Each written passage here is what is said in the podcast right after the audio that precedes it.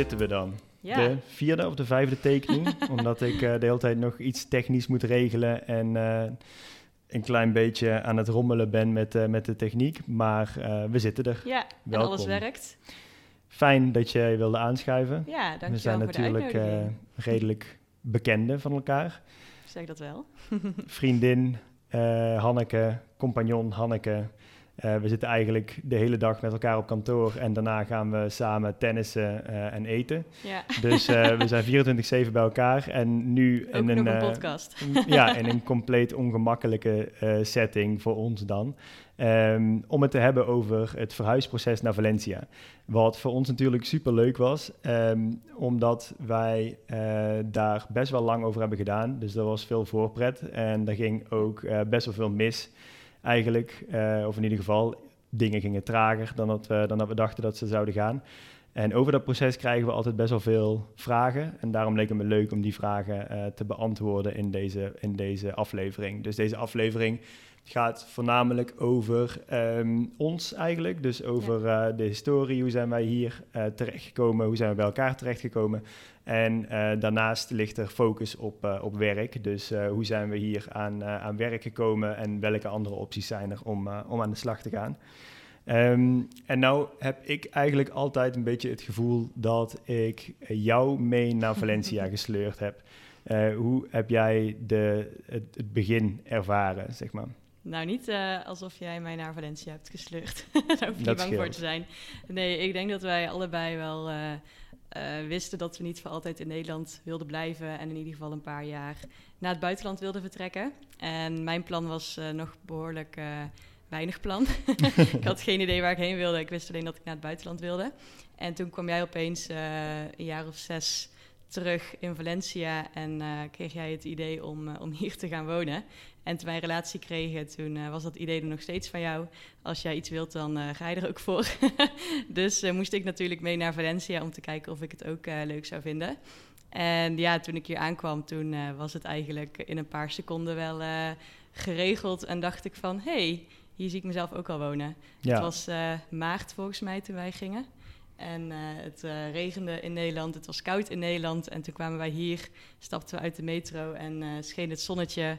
Was het een graad of twintig en ja, was het volop leven hier. En zag ik het meteen wel voor me dat wij hier gingen wonen. Ja, ja want voor, eh, voor iedereen die luistert en misschien kijkt, is het, eh, is het nog niet zo duidelijk als dat dat voor mij is. Maar eh, jij kunt echt ontzettend slecht tegen regen. Het Ja. is aan de absurde kant, voor mij zelfs, om, om dat te zien telkens. De afgelopen elf dagen waren wij in, eh, in Nederland en daar heeft het er eh, twee, twee van die elf dagen heeft het geregend. En ik kreeg meteen allemaal eh, trieste emoticons, emoticons Ja, opgestuurd. vreselijk.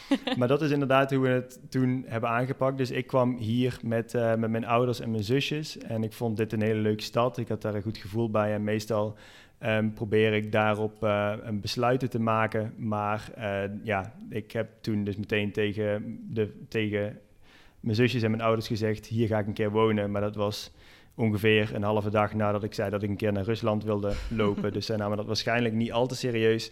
Eh, en ik zelf ook niet, moet ik zeggen. Maar het is wel altijd in mijn hoofd blijven, ehm, blijven spelen dat dit eh, een leuke plek zou zijn om, eh, eh, om ooit een keer wat voor wat langere tijd te zitten. Dus voor wat langere tijd is nu intussen al 3,5 jaar. Ja. Maar ehm, het, het weekend dat wij hierheen zijn gegaan was echt inderdaad een, een oriënterend weekend. Hè? Dus Ja. ik was hier twee jaar daarvoor geweest, of een ja, jaar? inderdaad. Twee jaar ervoor, denk ik. En toen hebben wij in maart een dag of drie hier gezeten. Ja, En in dat weekend ook eigenlijk meteen besloten van, nou, laten we ervoor gaan. En eh, meteen alles eh, op alles gezet om ervoor te zorgen dat wij eh, zo snel mogelijk naar Valencia konden verhuizen. Ja, wij hadden natuurlijk ehm, toen ook nog maar net een relatie volgens mij. En Ja. dat, dus eigenlijk dat hele gesprek van... ehm, dat hele gesprek van willen we hier wonen... was net zoveel een gesprek van willen we samenwonen... als dat we in Valencia zouden gaan wonen. Dus dat werd hier eigenlijk ook besloten. Ja, nou is klopt. dat... ehm, voor, voor mijn gevoel is was dat iets minder hard. Van we wilden hier graag een keer gaan wonen. Maar ehm, we hadden allebei natuurlijk best een, eh, een leuke baan. We hadden het heel erg naar onze zin. Ja, Waar werkte jij ook weer? bij Snapcar. Fonk daarvoor, toch? Nog? Uh, ja, daarvoor nog bij Fonk, maar toen we eenmaal in Valencia zijn geweest, toen werkte ik bij Snapcar. Ja, ja. dat was superleuke, een superleuke baan. Ja. Ehm, en ik werkte bij Sagion, dat was ook leuk, een online marketingbureau in Utrecht. En um, daar uh, in Utrecht woonden wij op een gegeven moment samen. Dus we hebben hier besloten van dat samenwonen, dat moet dan eigenlijk ook wel gaan lukken als we dit als droom hebben. Maar het, um, uh, we zijn daar gaan samenwonen en uiteindelijk voelde dat ook best goed in Utrecht. Utrecht was wel een plek die wij ons thuis konden noemen. En daar ging eigenlijk alles uh, zoals we het verwachten, zeg maar. Zoals je het graag zou willen. Dus je, we kregen allebei een een vast contract uh, aangeboden en dat hebben we ook allebei mogen tekenen. Um, en vervolgens zaten we daar eigenlijk best wel goed en moesten we toch nog om tafel om te kijken of we de risicovolle stap wilden gaan nemen. Ja, ja want het risico was natuurlijk wel om opeens uh, naar Valencia te gaan verhuizen in plaats ter, terwijl je het gewoon goed had in Nederland. En ja, behalve de regen, ja. is, het in is het in Nederland natuurlijk ook super fijn. En heb je al je vrienden en uh, vriendinnen, familie daar wonen. Dus het is natuurlijk altijd een hele grote stap om naar Valencia te verhuizen. Maar ik denk dat we allebei avontuurlijk genoeg waren en heel veel zin hadden in avontuur. Vooral om gewoon eens te kijken hoe het zou zijn. En ik weet ook nog wel dat toen wij besloten om naar Valencia te gaan, dat we ook wel een klein beetje het idee hadden van we weten nog niet hoe lang, maar laten we het gewoon eens een jaartje proberen. Zo hebben we het ook tegen onze ouders uh, verteld. Ja, bij mij is het meer dat zij dat ervan gemaakt hebben. Ja. Jij hebt het misschien wel op die manier verteld, omdat dat een beetje de manier is waarop jij dingen richting je ouders brengt. Heel erg... Uh, met, kilo. Ja, een soort van paard van Troje in de vorm van een knuffelachtig uh, breng je dat dan daarheen en dan uiteindelijk uh, dan, dan zien we wel. En dat, ja. dat, was natuurlijk ook de insteek van als het niet zou lukken, dan, dan lukt het niet en dan, ga, je, dan ga je terug. Zeker. Um, we wisten toen ook nog niet per se wat we wilden gaan doen hier. Nee, uh, dus wij, of ja, we wisten nog niet precies wat we wilden gaan doen hier. We hadden eigenlijk geen flauw idee. Dus ik kan me nog een avond herinneren dat wij, eh, die herinner jij je volgens mij niet eens meer. um, een avond herinneren dat wij in Utrecht in een kroeg zaten en daar waren we iets aan het drinken.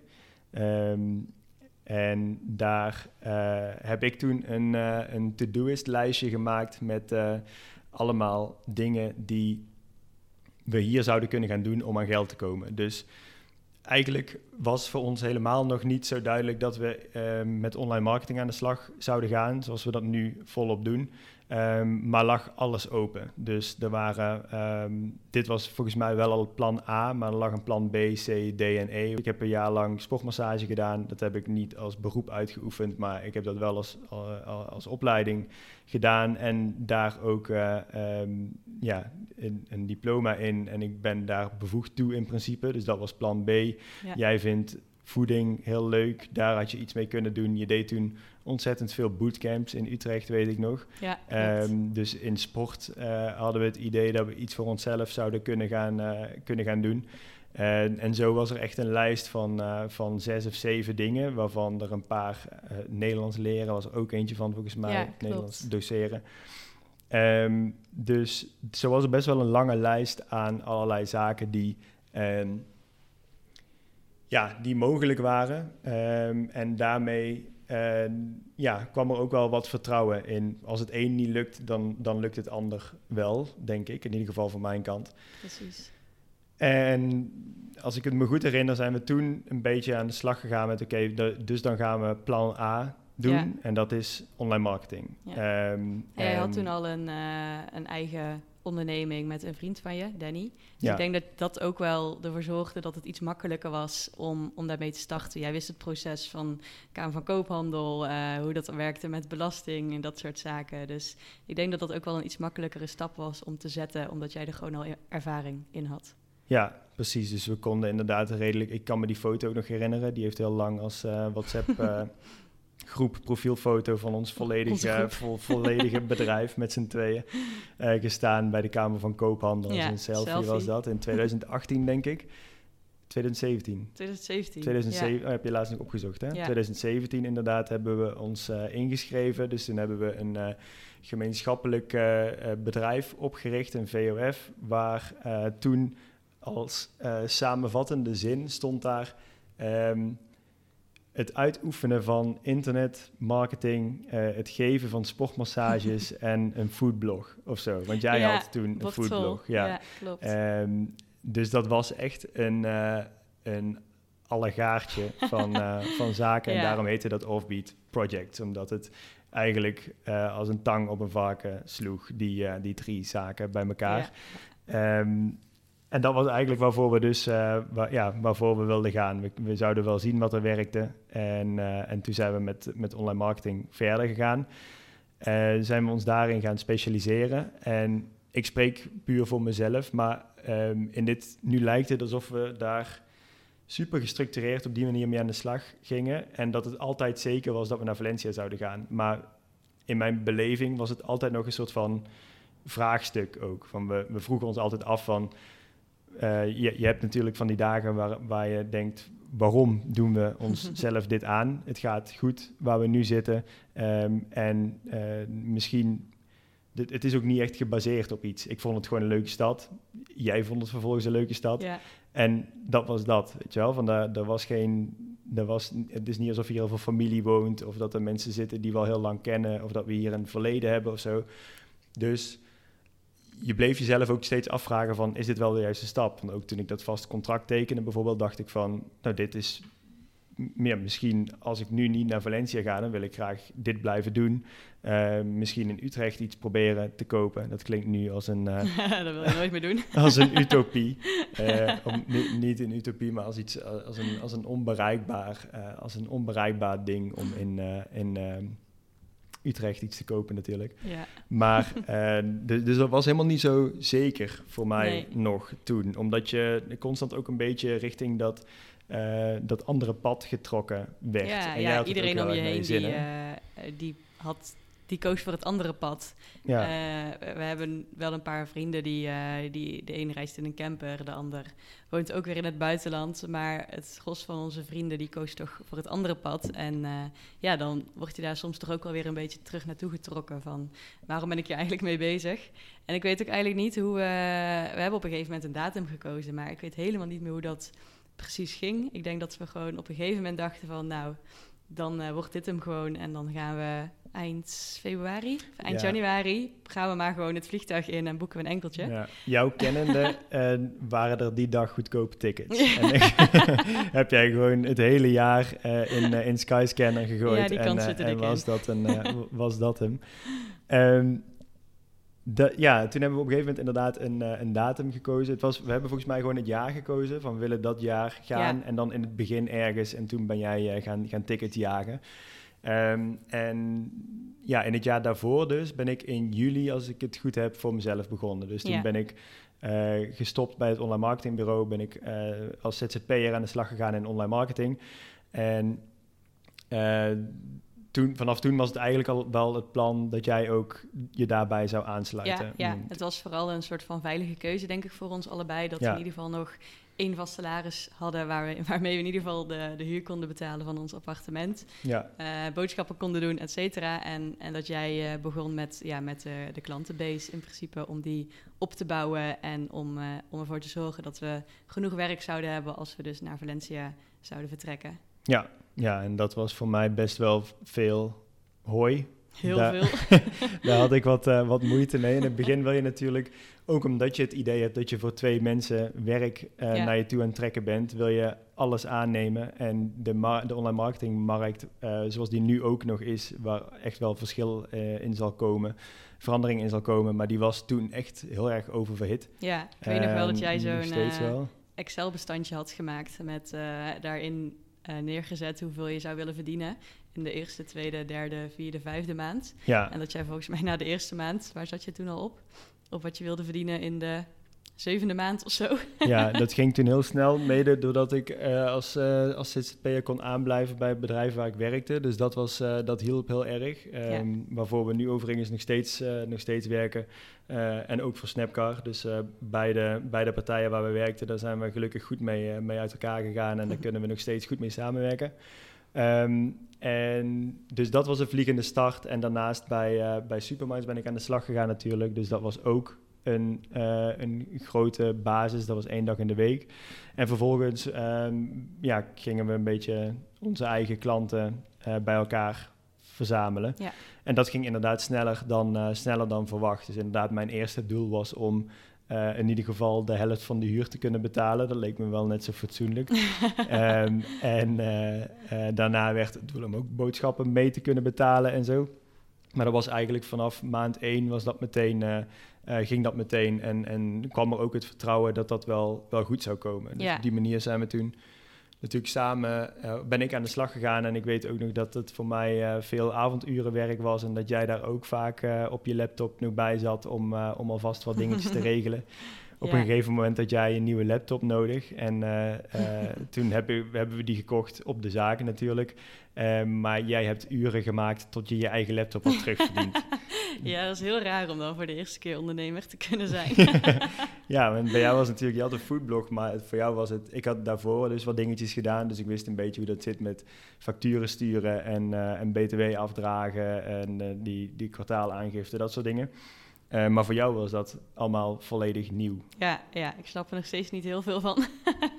maar daar heb ik jou gelukkig voor. En onze accountant in Spanje ondertussen. Ja. Maar uh, nee, dat was niet voor mij uh, weggelegd om, om al die belastingzaken zelf te doen.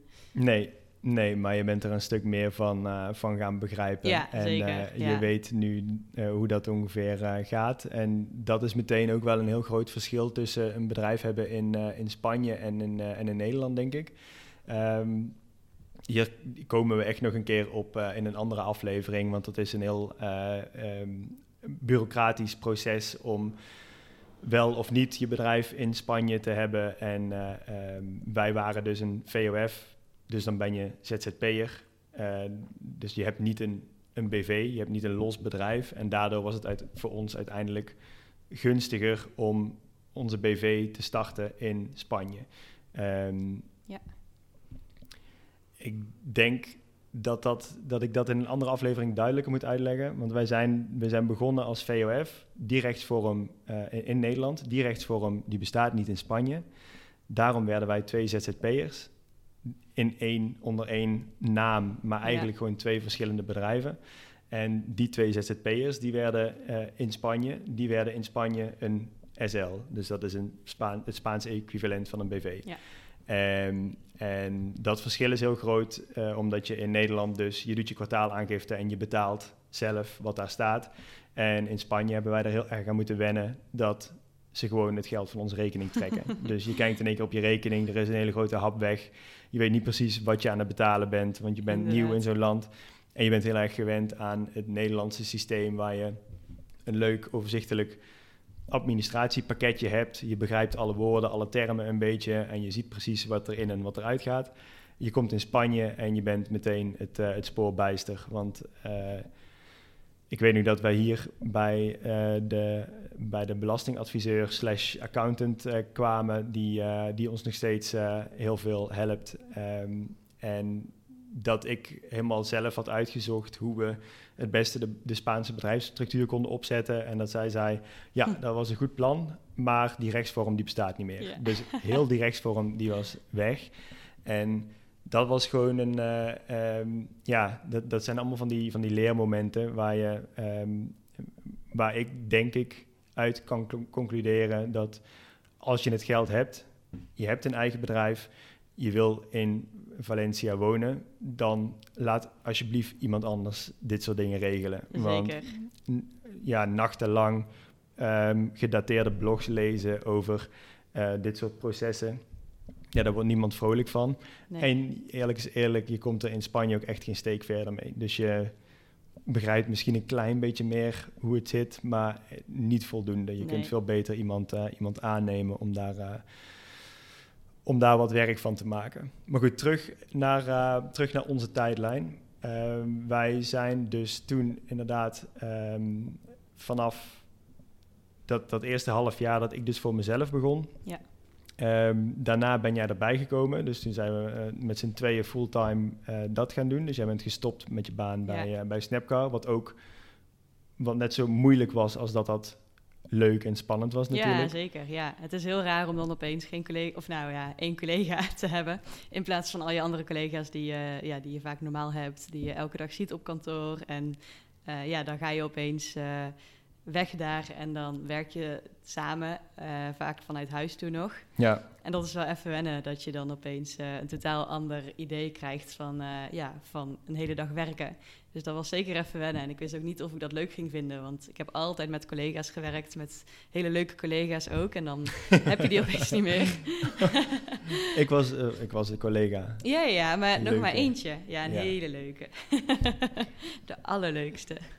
Nee, maar het is wel heel, heel anders van, uh, van ja, een stuk of uh, 30, 40 collega's naar eentje. Ja. Maar uh, uiteindelijk bleek dat dat superleuk was. En, uh, en dat we gewoon samen heel goed kunnen werken. En ja, dat, je daar, dat ik daar ook wel heel veel van heb geleerd. En dat het heel anders is, maar ook wel superleuk om, om dat gewoon samen op te pakken. Ja, ja dat, zo ervaar ik dat ook. Het was natuurlijk inderdaad voor de beeldvorming. Wij woonden in Utrecht op vijf hoog zonder lift. Uh, op uh, 40 of 45 vierkante Ja. meter. Dus we hadden een slaapkamertje en daarnaast een soort van woonkeukenachtig gedeelte van, van 30 vierkante meter en een heel klein badkamertje. En dat was toen inderdaad in één keer ons kantoor en appartement om, om In te één. wonen natuurlijk. Een woonruimte en kantoor in één. en dat is, dat is niet leuk. Nee. dat, uh, je zit dan heel erg... We hadden een hele kleine tafel die hij toen op Marktplaats ergens Oh ja, uh, op de ja. kop had getikt. Die viel bijna uit elkaar. En uh, dat, ja, dat was gewoon... Um, Behelpen. Ja, behelpen. maar daar, als, zo, zolang er een einddatum en dat soort dingen zit... dan is dat natuurlijk prima vol te houden. Precies. En die einddatum was inderdaad 28 januari of zo, als ik Ja. me goed herinner. Inderdaad. Dat was de, dat was de datum dat we, dat we naar Spanje vlogen. En uh, daarvoor had jij al een, uh, een huis gezien, gevonden. En ook dat klinkt weer alsof dat heel makkelijk ging, maar ik heb uh, zelden iemand zoveel foto's van huizen voorbij zien scrollen. Ja, uiteindelijk op. We zijn begonnen met een Airbnb. Die hebben Ja. we toen voor een weekje geboekt, omdat we nog niet in, uh, in ons andere appartementje konden. Ja, Uh, dus daar hebben we een week gezeten. Um, dat was verschrikkelijk. we wilden daar zo snel mogelijk weg. ja, Het stonk heel hard en ze waren elke dag bezig met, met de weg. Dus uh, dat was echt geen succes. ja, met het appartement naast ons waren ze toen Ja, alles ze aan het eruit aan het slopen. En dan, ze begonnen erg vroeg, eh, dus dat was heel erg veel herrie. En daarbinnen stonk het heel erg, Ja. omdat daar geen... eh, eh, geen eh, ventilatie was, inderdaad. Inderdaad, ja, dat ja. was niet leuk. Geen succes. Uh, maar daarna hebben we dus bij, via Spot Home hebben we een uh, appartement gefixt voor de eerste zes maanden volgens mij, zodat we in ieder geval iets hadden. En hadden we bedacht van, nou dan kijken we daar nou wel verder en misschien kunnen we daar blijven of niet, maar dat zien we dan wel. Dus zodat we in ieder geval die zekerheid hadden voor de eerste zes maanden. Um, ja, dat werkte eigenlijk supergoed via Spot Home. Ik uh, durf niet te zeggen of dat nog steeds zo is, want volgens mij zijn de prijzen uh, wel flink omhoog gegaan, sowieso in Valencia. En betaalden we daar ook wel uh, wat meer dan wat je normaal doet Ja. in Valencia. Maar dat is ergens ook logisch, omdat er, uh, ja, er zit service bij, al die appartementen zijn gemeubileerd. Ja, het was ook inclusief... Uh, inclusief, uh, inclusief gaswater en licht. Gaswater, licht, ja. Of Ja. inclusief 100 euro aan, aan stroom of zo. En Ja. dat is, ik weet niet of dat nu nog steeds zo is, omdat alles zo hard omhoog gaat. Maar voor toen was dat echt ruim voldoende. En ik Zeker. denk dat wij toen... was ook een klein appartement. was volgens mij 65 vierkante meter. Maar een, best wel een, een uh, romantisch uh, plekje. Echt Ja. zo'n uh, zo'n oud dorps... Um, gebouwtje was dat. En daar hadden we een bovenverdieping van 65 vierkante meter. Dus dat was hoog. Er zat zo'n gewoon een puntdak op. En daar betaalden we volgens mij 900 euro voor, inclusief dus. Ja, Eerst was klopt. het 860 en dat ging langzaam omhoog. Best wel snel omhoog, volgens mij. Um, dus dat, dat, was, dat was waar we, waar we toen gewoond hebben. Onze huisbaas die woonde daarnaast. En um, dat was een, uh, een, prima vent. Daar hebben we veel, uh, uh, nog, veel meer op het terras gezeten. En dat was, dat was hartstikke gezellig.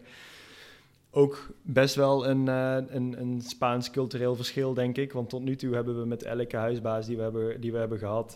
hebben we dat soort etentjes en, en dingetjes gehad. Dus dat, was een heel, een heel, leuke, heel leuke ervaring. Dus heel erg open, open cultuur op die manier.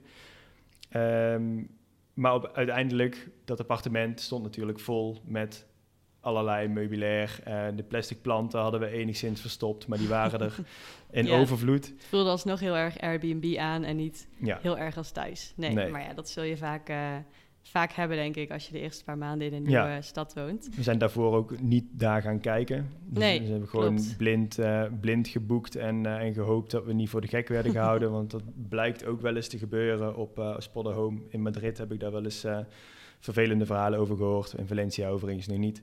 Ehm, maar dat, uh, dat ging in principe uh, prima. Dus daar hadden we wel veel geluk mee. En uiteindelijk hebben we een jaar daar gewoond, of iets langer nog? Ja, anderhalf jaar denk ik uiteindelijk. Ja, ja na anderhalf jaar kun je natuurlijk gaan besluiten... ik wil hier graag langer blijven. En dan doe je dat liever niet in een appartement... waar je de nepplanten hebt moeten verstoppen... om je een beetje thuis te voelen. Dus toen zijn we gaan zoeken naar een huurappartement, hè? Ja, inderdaad, ja.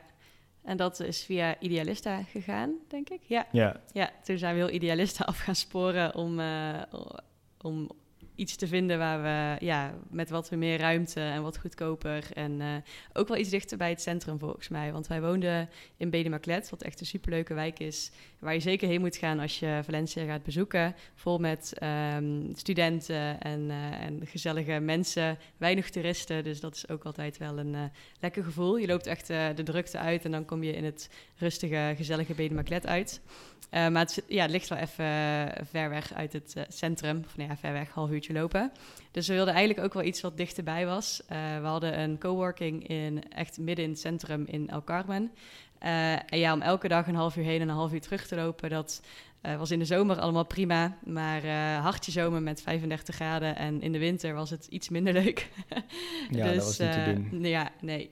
Dus waren we inderdaad op zoek naar iets wat dichter bij het centrum lag, om ja, sowieso ook dichter bij de coworking te zitten.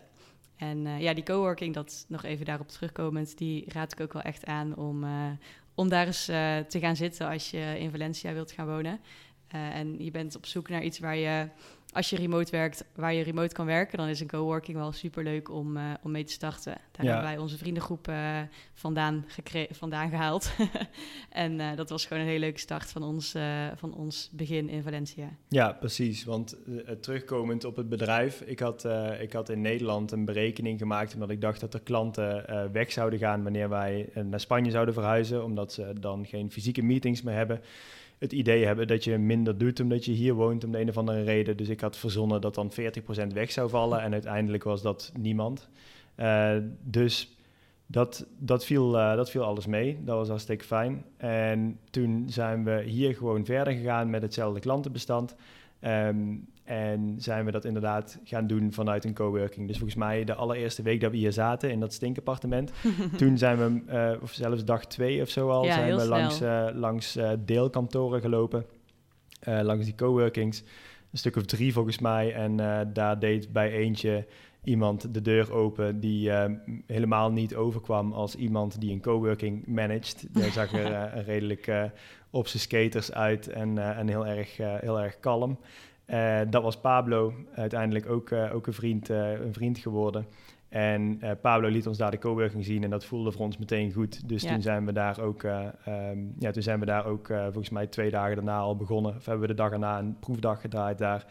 En zijn we daar gaan zitten. Dus een ja. coworking, um, voor degenen die daar geen ervaring mee hebben, is eigenlijk gewoon een een heel groot uh, kantoortuin waar je met, uh, met verschillende mensen zit. En ik denk dat wij met een man of 15 op onze verdieping zaten. Ja. En um, ja, die mensen die zitten daar allemaal voor langere tijd eigenlijk. Dus je, je leert die heel goed kennen en je, je weet uh, wie er eigenlijk net iets te hard belt om op een coworking te zitten.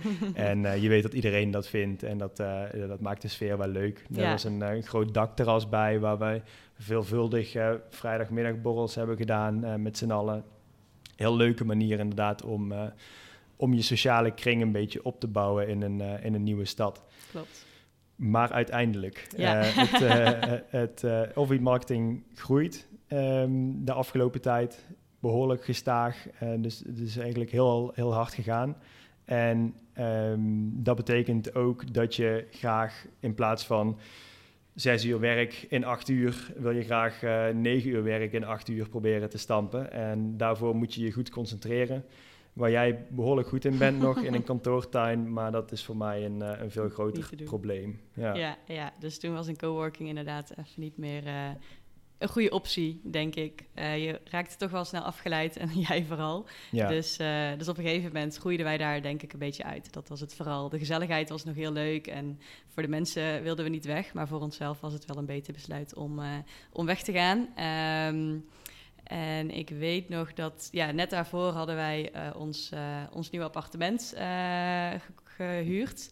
Eh, dat was eh, helemaal leeg, dus daar hebben we ook eh, eigen meubels, et cetera, voor gekocht. En ja, dat voelde ook al meteen veel meer als thuis, omdat je gewoon zelf kon kiezen wat voor bank en een bed en tafel en stoelen je wilde, in plaats Ja. van dat je daar tussen de, de nepplanten zat en het ontzettend lelijke schilderij wat ze in Denemarken Ja. hadden opgehangen. ja, ik zie die ook nog steeds voor me. Ja, ik ook, ja. nee, dus dat was super fijn. Daar hadden we ook wel een extra ruimte die eh, heel hard nodig was in de tijd van eh, corona. Toen hebben we nog even eh, thuis moeten werken. Eh, wat, ja, wat prima was, maar eh, gelukkig dat het eh, niet al te lang eh, heeft geduurd voor ons, het thuiswerken. Al met al denk ik een maand of vier, vijf. Ja, ja en dat, eh, dat vonden we eigenlijk, op het moment zelf leek dat niet zo vervelend, maar achteraf eh, vonden we dat allebei eigenlijk helemaal niet leuk, omdat je eh, veel minder buiten komt. En ja, dat, daar komt die, die anekdote vandaan dat we op een gegeven moment, als de zon binnenscheen, dan, dan ging de rolluik dicht en dan zat je in een, in een, donker, in een donker hok eigenlijk... eh, te werken, terwijl je naar Valencia verhuisd bent en je toch ook wel een beetje het idee hebt dat je daarvan, eh, dat je daarvan moet genieten natuurlijk. Ja, Eh, dat je daar voor de zon bent en dan uiteindelijk dan, dan trek je snel de rolluik dicht wanneer die, wanneer die dichtbij komt. Dat, dat was minder, minder leuk. Dus thuiswerken is nooit echt ons ding geweest, maar dat moest natuurlijk gedwongen. En vervolgens weet ik nog dat wij eh, ehm, op de bank zaten en toen hield jij heel triomfantelijk een, eh, een Idealista-linkje. Dus weer datzelfde eh, Spaanse Funda-platform. Eh, in Idealista-linkje liet jij mij toen heel triomfantelijk zien en daar, daar stond dit kantoor op. ja, waar we nu zitten. Ja, waar we nu inderdaad aan het opnemen zijn. In een hotel slash bedrijvengebouw. Dus op de eerste verdieping de, en eh, op de begane grond en op de eerste verdieping zitten kantoren. En de rest van dit, eh, van dit pand is een hotel. Het is om de hoek van onze coworking, waar we toch echt heel lastig afscheid van konden nemen. Dus daar wilden we graag ook dichtbij zitten. En telkens als we langs dit pand kwamen, dan zei ik... Oh, daar zou ik echt graag een keer naar binnen gaan. Eh, we zijn nooit naar binnen gegaan totdat we hier met de makelaar kwamen, die deze ruimte liet zien en wij eigenlijk meteen om waren. Ja, En, Ja, we gingen daar volgens mij dinsdag kijken. En eh, ja, toen moest het natuurlijk allemaal snel, snel voor de makelaar. En vrijdag hebben we uiteindelijk eh, getekend en de sleutels gekregen. Dus dat ging ook heel erg snel. Van, we, wilden deze niet, eh, we wilden niet dat deze zou verdwijnen. Hoe zeg Ja. je dat? ja, Shit. Ik kom wilden- niet op het spreekwoord. Iets met je vingers schieten. Tussen je vingers schiet? glippen. Tussen je vingers glippen. Ja, glippen. Je wilde niet dat dit eh, kantoor tussen je vingers glipt. Zoiets. Laten we het daar gewoon op houden. Ehm, nee, inderdaad. Dus eh, eh, dat is zo'n beetje wat er hier altijd aan de hand is. Ehm, wat natuurlijk overal zo is. De, ehm, als je echt iets moois wil hebben, dan moet je er gewoon heel snel bij zijn. Ja, je wil of iemand kennen, een makelaar die, voor je, die wat dingetjes voor je in de gaten houdt in de juiste zone of in de juiste buurt. Ehm, of je wil eigenlijk redelijk obsessief met Idealista aan de slag zijn en elke dag even kijken of er iets nieuws is bijgekomen en, eh, of een alert aanzetten wanneer er iets bij komt. Eh, want ik laatst ging natuurlijk, eh, ik ben de naam even kwijt, maar de vrouw die hier beneden zat, die ging weg. Dat, ik kreeg een alert dat die ruimte online kwam en volgens mij één of twee dagen later was een, een nieuw persoon daar haar schilderij aan het ophangen, omdat zij nu daar een, een atelier heeft.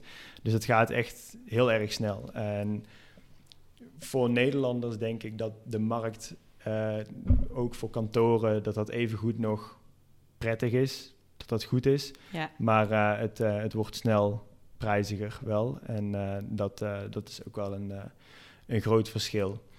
Dus inderdaad, nu zitten we hier. Eh, we hebben intussen iemand aangenomen. Dus we zitten met z'n drieën. Renske, mijn, eh, mijn nicht, die eh, woont in Madrid. Dus dat is ook leuk. We zitten met z'n drieën in Spanje, maar niet in Valencia. Ehm, en nu werken we met z'n drieën fulltime aan offbeat marketing hebben we wat andere projecten daarnaast. Daarover kunnen we in een andere aflevering denk ik wat meer vertellen. Dat wordt heel erg veel uitweiden over, over onze eigen zaken, stack. Ja, nou, het is nog wel een goede optie die je hebt, denk ik, als je, als je in Valencia wilt gaan wonen. Een van de extra projecten die we hebben is een webshop. in keukenachterwanden en, en de andere in uh, beton uh, maar een webshop is wel nog een, een optie natuurlijk die je hebt als je naar het buitenland gaat. Om, ja, om dus online een webshop te hebben, daar, daar kan je natuurlijk ook wat mee verdienen. Ja. Dus het is een goede optie, denk ik, om, om over na te denken. Ja, dus je hebt inderdaad, denk ik, verschillende, verschillende opties die we even kunnen, kunnen doorlopen wanneer je in, in Valencia wilt, wilt wonen en, en hier ook wilt werken. En eentje daarvan, die hebben we nu uitvoerig besproken, dat is ondernemen vanuit, vanuit Valencia als, um, ja, freelancer, als freelancer voor de Nederlandse markt. Dus wanneer je remote kunt werken, dan is dat een, dan is dat een mogelijkheid. Of als, als bedrijf natuurlijk, zoals wij dat nu doen. dan heb je bij een bedrijf werken in Nederland, dus bij een Nederlands bedrijf in dienst zijn en vanuit Spanje werken. Ja. Ehm, of je gaat natuurlijk gewoon bij een Spaans bedrijf aan de slag. Dus uh, er zijn hier ook mensen die we kennen natuurlijk die bij een restaurant werken of bij fietsverhuurzaak of bij een bedrijf als Verrassend Valencia, waar ze natuurlijk Nederlands spreken, maar wat een toeristisch bedrijf is voor, voor Nederlanders in, in Valencia. Um, dus wij hebben Even kijken, gaat alles nog goed? Zeker. Ja. Ehm, dus die optie heb je. Ehm, en uh, je kunt natuurlijk ook hier je zaak beginnen voor Spanjaarden. Dus je kunt ook nog altijd ondernemer zijn en de Spaanse markt bedienen. Ja. Uh, maar dan moet je wel al een goed basisniveau Spaans voor, uh, voor hebben. Dus wat wij laatst hebben gedaan is een beamer gekocht die zich zou moeten terugverdienen, omdat het eigenlijk maar voor één wedstrijd voetbal kijken was. Daarvoor wilde ik graag een beamer huren op mijn verjaardag. Ik hou niet van voetbal, maar al, uh, alle vrienden hier wel. Dus ik voelde me verplicht om, om die WK-wedstrijd van, van Spanje uit te zenden op een scherm dat er een beetje toe deed. dus had ik, wilde ik een beamer huren. Daar kwam een hele goedkope beamer voorbij die, die te duur was voor een dag, vond ik. Dus toen dacht ik, als ik gewoon een beamer koop en dan kan ik hem daarna zelf proberen te verhuren. En ehm, dan verdient hij zich misschien terug en dan hebben we die beamer. En dat is zo gezegd, zo gedaan eigenlijk. Uh, daar hebben we een website voor gemaakt en een Google Mijn Bedrijfprofiel. En nu dienen we, dus, bedienen we dus eigenlijk ook de Spaanse markt met een, met een subbedrijfje Ehm, waar we één beamer verhuren. Dus dat is uh, meer voor de grap dan dat het een serieus project is. Um, maar dat is ook nog altijd een optie. Dus eigenlijk die, die opties heb je, denk ik. Um, waarvan we dus die van ons, denk ik, uitvoerig genoeg besproken hebben. Uh, al kan dat bijvoorbeeld ook als, free, als, uh, als copywriter bijvoorbeeld. en er zijn markten genoeg dus je bent dan gewoon ondernemer en je kunt programmeren bijvoorbeeld. Die zaten bij ons op de coworking ook veel. Ja. Um, dan heb je iets wat, wat een vriend van ons gaat doen nu. Dus die is begonnen bij een, bij een bedrijf in, in Nederland die hem de kans geven om vanuit Valencia te gaan werken. Um, dus hij gaat dan regelmatig terug daarheen om daar op kantoor te zitten en um, gewoon vanuit Valencia te werken voor een Nederlands bedrijf. Dus je hebt die, die, dat, die veiligheid van in loondienst zijn. Um, maar de vrijheid van uh, die, die uh, ja, de vrijheid van. Uh, Wat denk ik ook steeds vaker mogelijk is, misschien. Na, de, na, ja, na heel de coronacrisis merk ik wel dat veel meer bedrijven openstaan. steeds meer mensen mogen vanuit huis werken, of in ieder geval een paar dagen. Dus ik denk wel dat er steeds meer opties zijn om, om zoiets te doen. Dus dat is zeker goed om eens naar te kijken als je wel die zekerheid inderdaad wilt behouden van in loondienst werken voor een Nederlands bedrijf. Ja, precies. Dat denk ik ook. Um, beide opties zorgen er wel voor dat je um, er denk ik langer over doet om te integreren. Zeker. Uh, want je zit natuurlijk eigenlijk het gros van de dag ben je gewoon Nederlands aan het praten en ben je gewoon aan het doen wat je gewend bent. En dan daarnaast ja, ben je in een ander land, wat natuurlijk al heerlijk voelt als, je dat, als je dat van plan bent. Maar ja, je, ehm, je spreekt geen Spaans overdag en je, je bent niet onder de mensen, om het zo te zeggen. dus wanneer je, ja, wanneer je niet de mogelijkheid hebt om, om het te doen zoals wij het deden, of liever jezelf meteen met gestrekt been een andere cultuur in, inwerpt, zeg maar, dan zou je dus prima uh, hier, denk ik, bij een bedrijf kunnen werken. Dus dan ga je bijvoorbeeld aan de slag bij een restaurant of bij uh, een fietstourbedrijf. of je gaat werken bij een, um, zo'n, zo'n een ander toeristisch bedrijf waar ik, het, waar ik het net over had. Dus er zijn ook nog allerlei opties in. Er zitten hier ook wel Nederlandse, Nederlandse bedrijven die. Um, ja, met Telecom denk zitten. ik. Ja. Maar dat is, ja, dan heb je alsnog wel veel collega's om je heen die Nederlands spreken. Dus ja. dat is dan toch wel wat lastiger. Maar ja. een vriendin uh, van me die werkt bij een heel leuk lunchtentje in Valencia. En die spreekt alleen maar, of nou ja, vooral Spaanse mensen die, daar, komen, die daar komen eten. Dus haar Spaans dat uh, schiet omhoog. En uh, daar ben ik af en toe wel eens jaloers op dat hij uh, zo goed is met, met dat Spaans oefenen. Want wij spreken alleen maar Nederlands tegen elkaar. Ja. En om je heen, als je buiten bent, hoor je het wel. En we hebben ook al wat Spaanse vrienden. En met tennis en andere sportactiviteiten praat je Spaans. Maar ja, het grootste, grootste deel van de dag zijn wij gewoon Nederlands aan het praten. Ja, inderdaad. Dus dat um, die optie die is, uh, die is superleuk. In een, uh, in een restaurant werken of bij een, uh, bij een Spaans bedrijf, wat voor bedrijf dat dan ook is, waar je, waar je dan ook goed in bent. het grootste nadeel daarvan natuurlijk is dat de Spaanse lonen veel lager liggen dan, dan de Nederlandse lonen. Ja. Dus wanneer je uh, hierheen gaat met het idee dat je um, hier kunt wonen met een Nederlands salaris, dan, uh, dan kom je met een Spaans basissalaris kom je van, een, uh, van een koude kermis thuis. De, de minimumsalaris is hier volgens mij 950 euro of zo, of 900 yeah. euro. En een gemiddeld salaris 1200 of 1300 euro. Um, en dat is natuurlijk niet iets waar, uh, waar wij als Nederlanders uh, aan gewend zijn. dus je zult dan daarin een flinke stap terug moeten doen, waarschijnlijk. Natuurlijk zijn er zaken zoals software development bedrijven of zo, die, die hier ook best wel veel zullen betalen. Maar een, een wat um, algemenere baan, zeg maar, die zal waarschijnlijk wat, uh, wat minder betalen dan dat je in, uh, in Nederland gewend bent. Zeker. En ook wat andere secundaire arbeidsvoorwaarden ja. op, uh, op nahouden. Ja, andere tijden vaak ook. Ja. Je ziet hier echt nog heel erg dat ze vanaf twee uur siesta hebben. En, of nou ja, gaan lunchen en dan een siestaatje houden. En vanaf vier uur, half vijf pas weer beginnen met werken. En dat is ook wel even wat anders dan hoe je het in Nederland gewend bent. Waar je gewoon van, van 9 tot 6 aan het werk bent is dat hier uh, van 9 tot 7 met twee pauze, denk ik. Ja. Dus het is heel anders qua werktijden. Ja, precies. Vooral bij dat soort bedrijven inderdaad. Ik kan me voorstellen dat het bij een kantoorbaan anders is, maar het, um, ik, ik kan me niet voorstellen dat je, dat, je, dat, dat je een kantoorbaan direct kunt krijgen vanuit Nederland als je nee. nu niet, uh, of je moet vloeiend Spaans spreken. Ja. En, hier en in Valencia vaak ook nog Valenciaans. ja, inderdaad, dat er een beetje bij praten, inderdaad. Um, dan heb je dus inderdaad ook nog de optie om bij een Nederlands bedrijf te werken dat in Spanje gevestigd is. Dus bijvoorbeeld een, uh, een wat je net zei, een customer service uh, bedrijf zoals uh, dat van Hello Print volgens mij. Daar, ja. daar werken veel, veel Nederlanders. En zo is er laatst nog een, een groot center hier opgericht. volgens mij zit er een recruitmentbedrijf dat, dat vanuit hier werkt. van die, een lead bedrijf, dus van die mensen die heel veel aan het bellen zijn de hele dag. Um, dus er zijn opties genoeg ook, uh, maar daar zul je waarschijnlijk dezelfde of enigszins dezelfde concessies moeten doen in, uh, in je loon. Want die zitten hier natuurlijk ook niet voor niks. Uh, die zitten hier om mensen, om, om aan employer branding te doen, dus met het zonnetje te kunnen adverteren. En om een klein beetje goedkoper uit te zijn met hun, met hun medewerkers. Ja. Dus die gaan je ook niet, niet de Nederlandse volle pond betalen.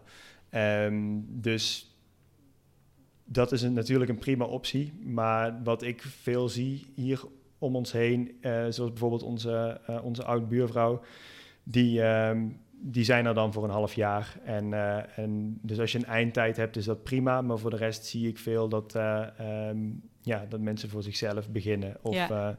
um, of dus voor een Nederlands bedrijf aan de slag gaan en, en remote kunnen werken. Ja, inderdaad. Zijn er andere manieren om, uh, om in Spanje te, te wonen, om in Valencia te wonen en, uh, en je geld te verdienen? Volgens mij hebben we ze niet al eens gecoverd, toch? Ik denk het wel. Ja, misschien als je een heel bekende influencer bent. ja, ja, precies. dan kom je nog ergens. Ja, maar, ja dan ben, je ook een, ben je in principe ook een freelancer die werkt voor, voor de Nederlandse of voor de, voor de volledige markt. Ja, precies. Dus ik denk dat we daarmee veel, um, veel mogelijkheden gecoverd hebben. Uh, wat een heel andere. Um, wat een heel andere inslag is, eh, voor het werken heb je ook van alles nodig hier. Dus in Nederland zijn we gewend dat we alle belangrijke documenten gewoon bij, uh, bij geboorte toegeschoven kregen. Um, en wanneer je naar een ander land verhuist, kom je er eigenlijk pas achter hoeveel geluk je daarmee hebt. Want wanneer je in een ander land moet gaan proberen om duidelijk te maken dat je graag bij ze wil horen en daar ook de documenten voor nodig hebt, dan uh, kom je in een hele leuke speurtocht uh, van, uh, van soms ellende en, en af en toe een hoogtepuntje wanneer je weer een documentje gescoord hebt terecht. Ja. Dus je wil één document hebben. Um, daarvoor ga je naar het politiebureau. Ik weet dat wij voor onze NIE bijvoorbeeld bij het politiebureau stonden zonder afspraak. Ja, dan word je gewoon weggestuurd natuurlijk. Um, vervolgens ga je een keer met afspraak erheen. Dan zeggen ze, je hebt deze zes documenten nodig. En dan ga je die documenten bij elkaar sprokkelen. En op die manier probeer je die documenten bij elkaar te krijgen. Um, dus ook dat soort zaken die, uh, uh, die zijn goed om in de gaten te houden wanneer je, uh, wanneer je gaat verhuizen. Maar daarover ga ik in, in komende afleveringen nog veel meer vertellen. dus het zijn veel meer de praktische kanten. En ik denk dat wij nu um, heel erg uitgebreid ons verhaal hebben uitgelicht. En, en de verschillende mogelijkheden om, om vanuit Valencia te werken voor de Nederlandse markt. Ja, dat denk ik ook. Nou, dan was hem dit. Ja, nou, leuk. leuk. Ja. Bedankt voor het luisteren aan, uh, aan iedereen. Dit was uh, de eerste aflevering van, uh, van Verhuizen Valencia met, met Hanneke. Ja, dag. Ja, dag. Zes jaar later. En ik vind het nog steeds lastig om haar achternaam uit te spreken. Oh, je bent ook de enige in, in Nederland met die achternaam. Dus ik kan niet... nee, het is, is, ook heel moeilijk. Het is ja, niet alsof nee, ik hem al heel lang hoor. Het is goed. en deze aflevering over werken. De volgende afleveringen zullen gaan over uh, wat regel je voordat je weggaat. Dus welke uh, documenten komen daarbij kijken? Wat kun je al doen vanuit Nederland? Wat is beter om in Spanje te doen? Eh, over wonen. Dus waar kun je het beste gaan wonen? bij welke behoefte past welke wijk? Um, we gaan het hebben over belastingen. Dus hoe zit dat technisch met, met belastingen betalen? En wanneer je een van die opties uit pik, eruit pikt die we net hebben uitgelicht. En we gaan het hebben over uh, Spaans leren. Dus hoe leer je op een efficiënte manier de, de Spaanse taal? Uh, daar ben ik zelf ook heel benieuwd naar, want ik heb niet het idee dat wij dat heel efficiënt aan het doen zijn. Nee. Wanneer dus, hebben we weer Spaanse les? ja, volgens mij morgen, die moeten we nog afzeggen. Oh. Um, het, uh, nee, we komen een heel eind natuurlijk in het Spaans, maar het, wat, wat, we net al zeiden, wanneer je de hele dag Nederlands praat, dan, dan moet je je er heel actief toe zetten om het te leren en dat is soms lastig. Ja. Maar laten we dat nu maar weer eens gaan doen. Muchas gracias. Yes, jij ook. Bedankt voor het luisteren en uh, tot de volgende. Bedankt. Tot de volgende.